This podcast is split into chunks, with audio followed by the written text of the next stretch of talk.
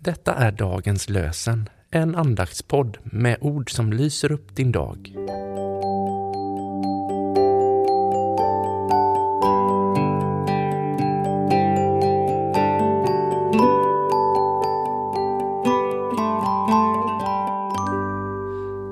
Det är måndagen den 9 oktober och dagens lösen är hämtat ur Ordspråksbokens tionde kapitel, vers 2.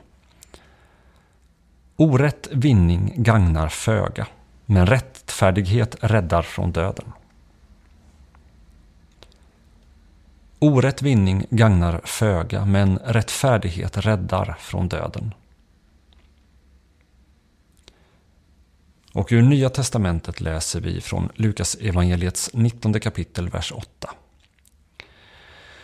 Men Sackaios ställde sig upp och sa till Herren Hälften av vad jag äger, Herre, ska jag ge åt de fattiga. Och har jag pressat ut pengar av någon ska jag betala igen fyrdubbelt. Men Sackaios ställde sig upp och sa till Herren Hälften av vad jag äger, Herre, ska jag ge åt de fattiga. Och har jag pressat ut pengar av någon ska jag betala igen det fyrdubbelt. Moder Teresa skriver De fattiga är våra bröder och systrar. Människor i världen som behöver kärlek, som behöver omsorg, som behöver vara önskade. Låt oss be. Gud, idag vill vi be för våra familjer, släktingar och vänner. Omslut dem och skydda dem från fara. Vi ber särskilt om vilja och kraft att förbättra de relationer som av olika skäl inte fungerar. Särskilt tänker jag på Väck hos oss alla en längtan efter att leva nära dig. Hjälp oss att på våra arbetsplatser få vittna om dig.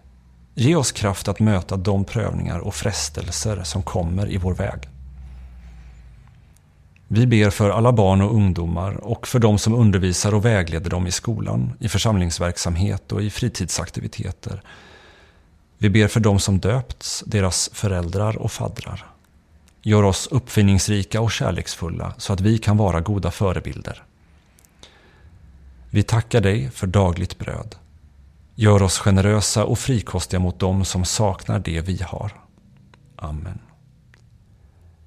Herren välsigna oss och bevara oss för allt ont och föra oss till det eviga livet.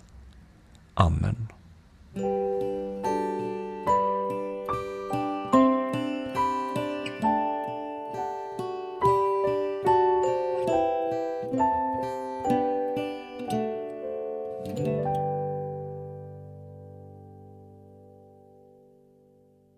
Det blir en ny säsong. Inspelningarna av dagens lösen-podden för 2024 är igång. Vill du stötta vår podd? Swisha någonting till EBF i Göteborg med swishnummer 123 676 1035.